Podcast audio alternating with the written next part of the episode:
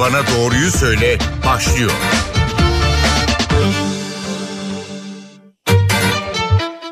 Merhaba NTV Radyo'da Doktor Bana Doğruyu Söyle başladı. Ben Zeynep Gülalp. Hafta sonu vaka sayısı 100 bin seviyesine yaklaştı. Vefatlarda da halen bir düşüş gözlenmiyor.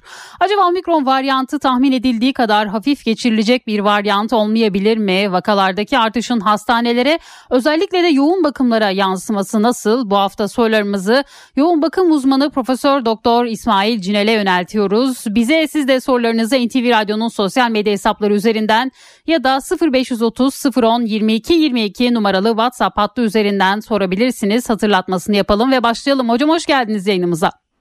İyi yayınlar diliyorum. Hoş bulduk.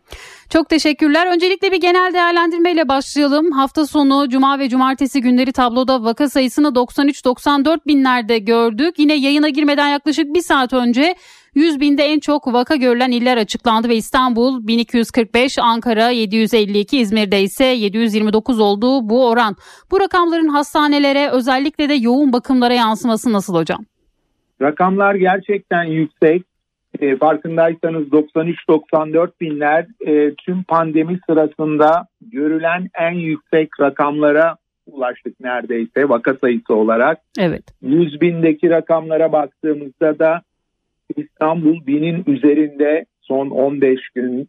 Ee, Ankara e, sürekli bir artış trendinde 752 olarak söylediniz e, ve bunların artık yavaş yavaş e, yansımaları hem servislere hem yoğun bakımlara oldu ve bundan sonraki 15 gün daha kısa vade için söylüyorum olacağı kesin.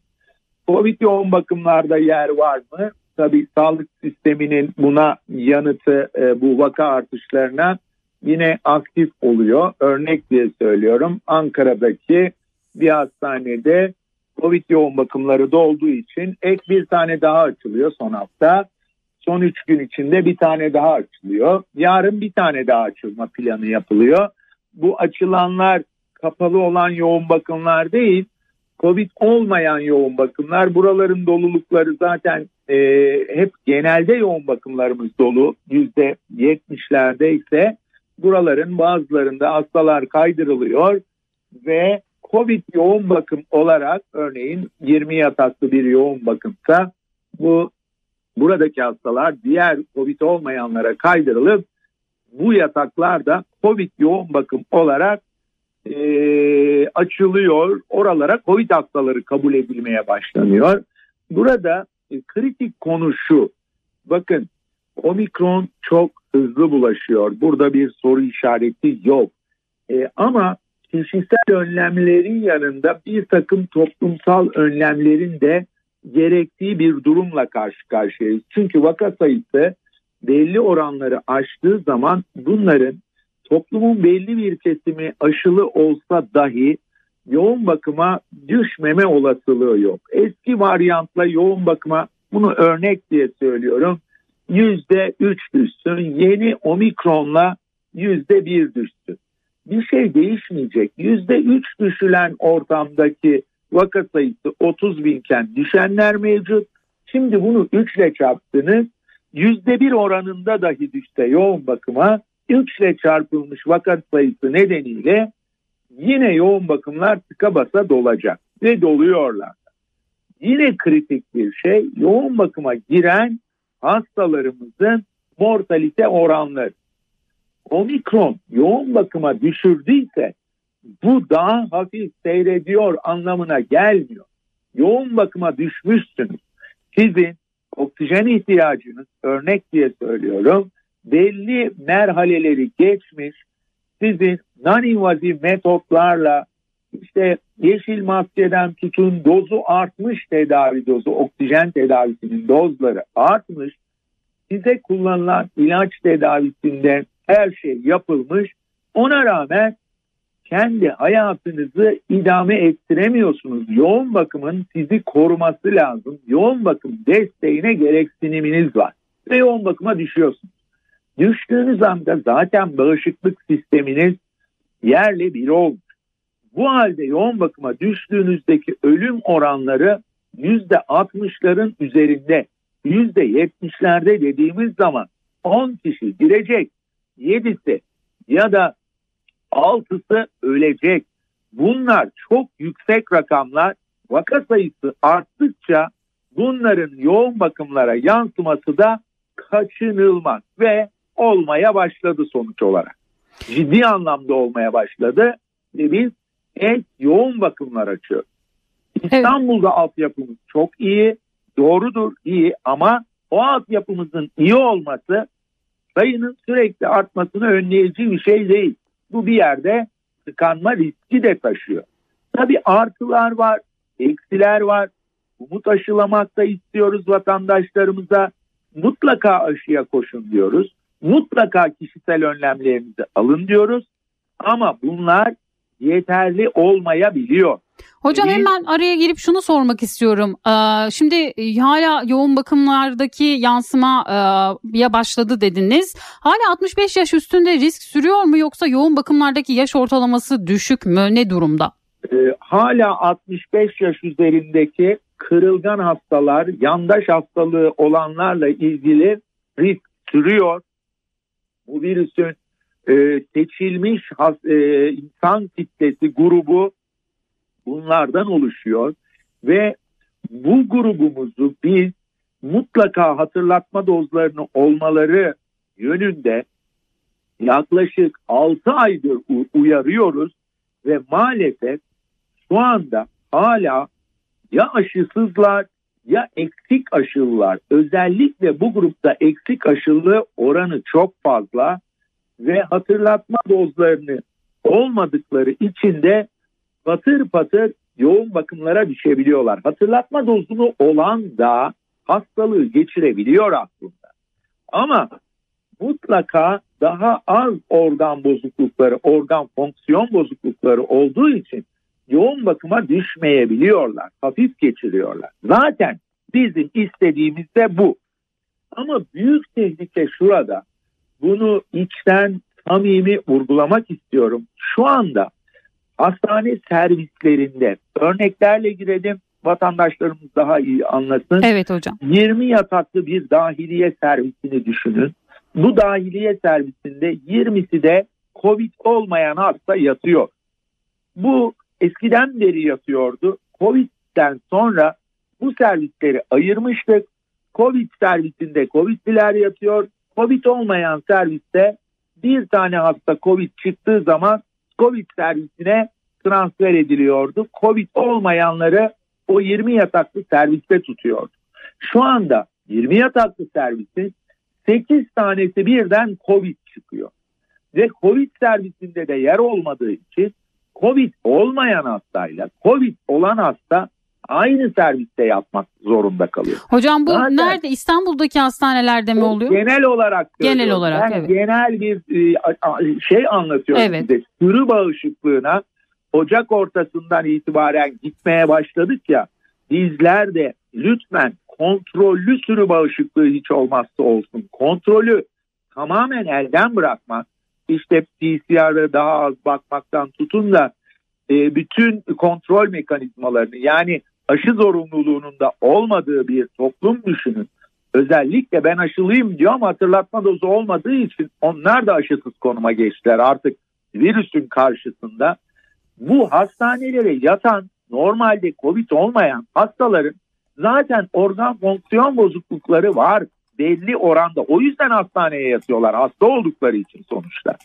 Ve yani bir dahiliye servisini düşünün burada organ karaciğerle ilgili bir organ fonksiyon bozukluğu olan yattığını düşünün. Burada yan tarafında Covid'de yattığı zaman bunlara ulaşması çok kolay gerçek. Ve organ fonksiyonu bozuk olan hali hazırda yatan hastanın üstüne bir de Covid bindiği zaman bir de onu Covid'le baş başa bıraktığımız zaman bu inanılmaz bir yayılmaya neden oluyor ve bunların hepsi yoğun bakıma düşüyor hemen hemen. Bakın şimdi sağlık personeli arasında da asistanlar açısından bakın. Yani 80 kişilik asistan grubunun 20 kişisi birden Covid geçiriyor şu anda. Doğrudur. Gençtir asistanlar 20 ile 30 yaş arası, 20 ile 35 yaş arasıdırlar.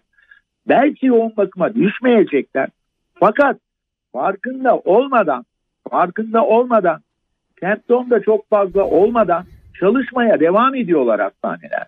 Öyle olunca kontrolsüz bir sürü bağışıklığına gidişte bir şekilde bu asistanlar da bu hemşire arkadaşlarımız da servislerde riskli hastalara bulaştırabiliyorlar.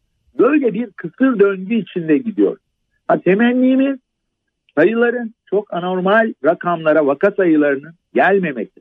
Çünkü vaka sayısı 100 binse yoğun bakımlarda omikronla 4 bin vaka oluyorsa vaka sayısı 200 bine çıktığında yoğun bakımlarda mecburen 8 bine doğru bir gidiş olacak.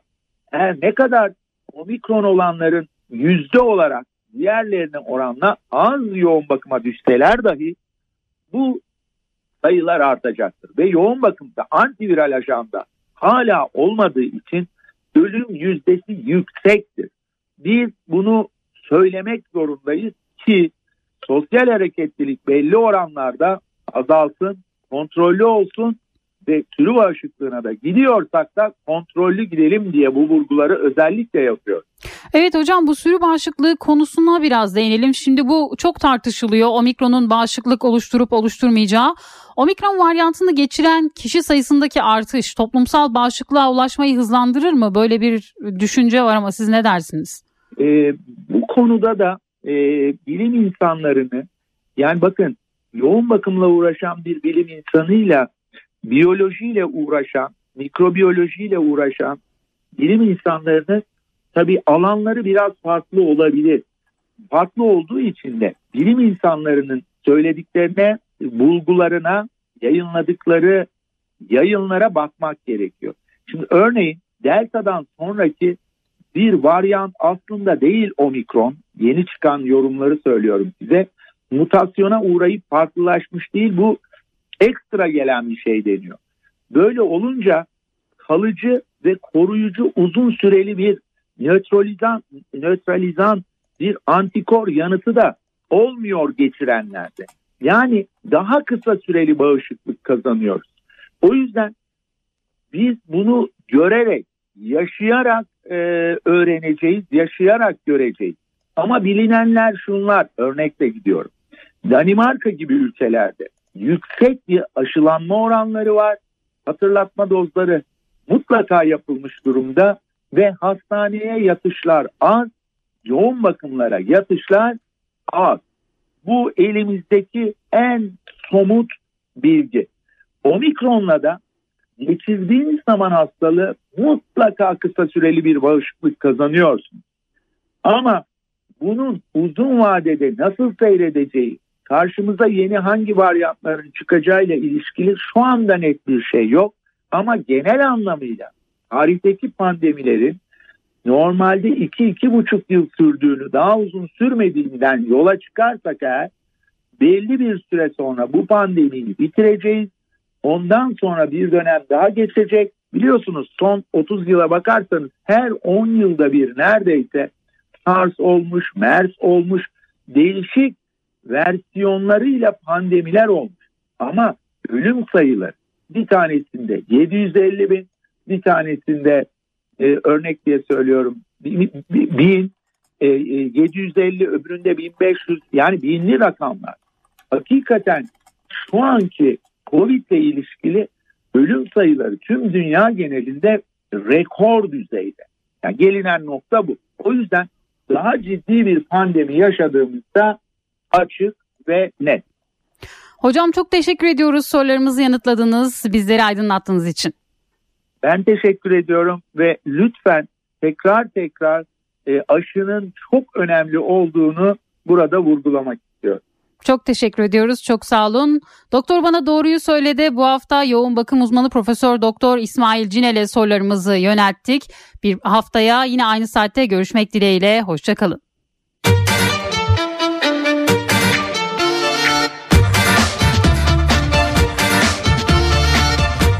Bana doğruyu söyle.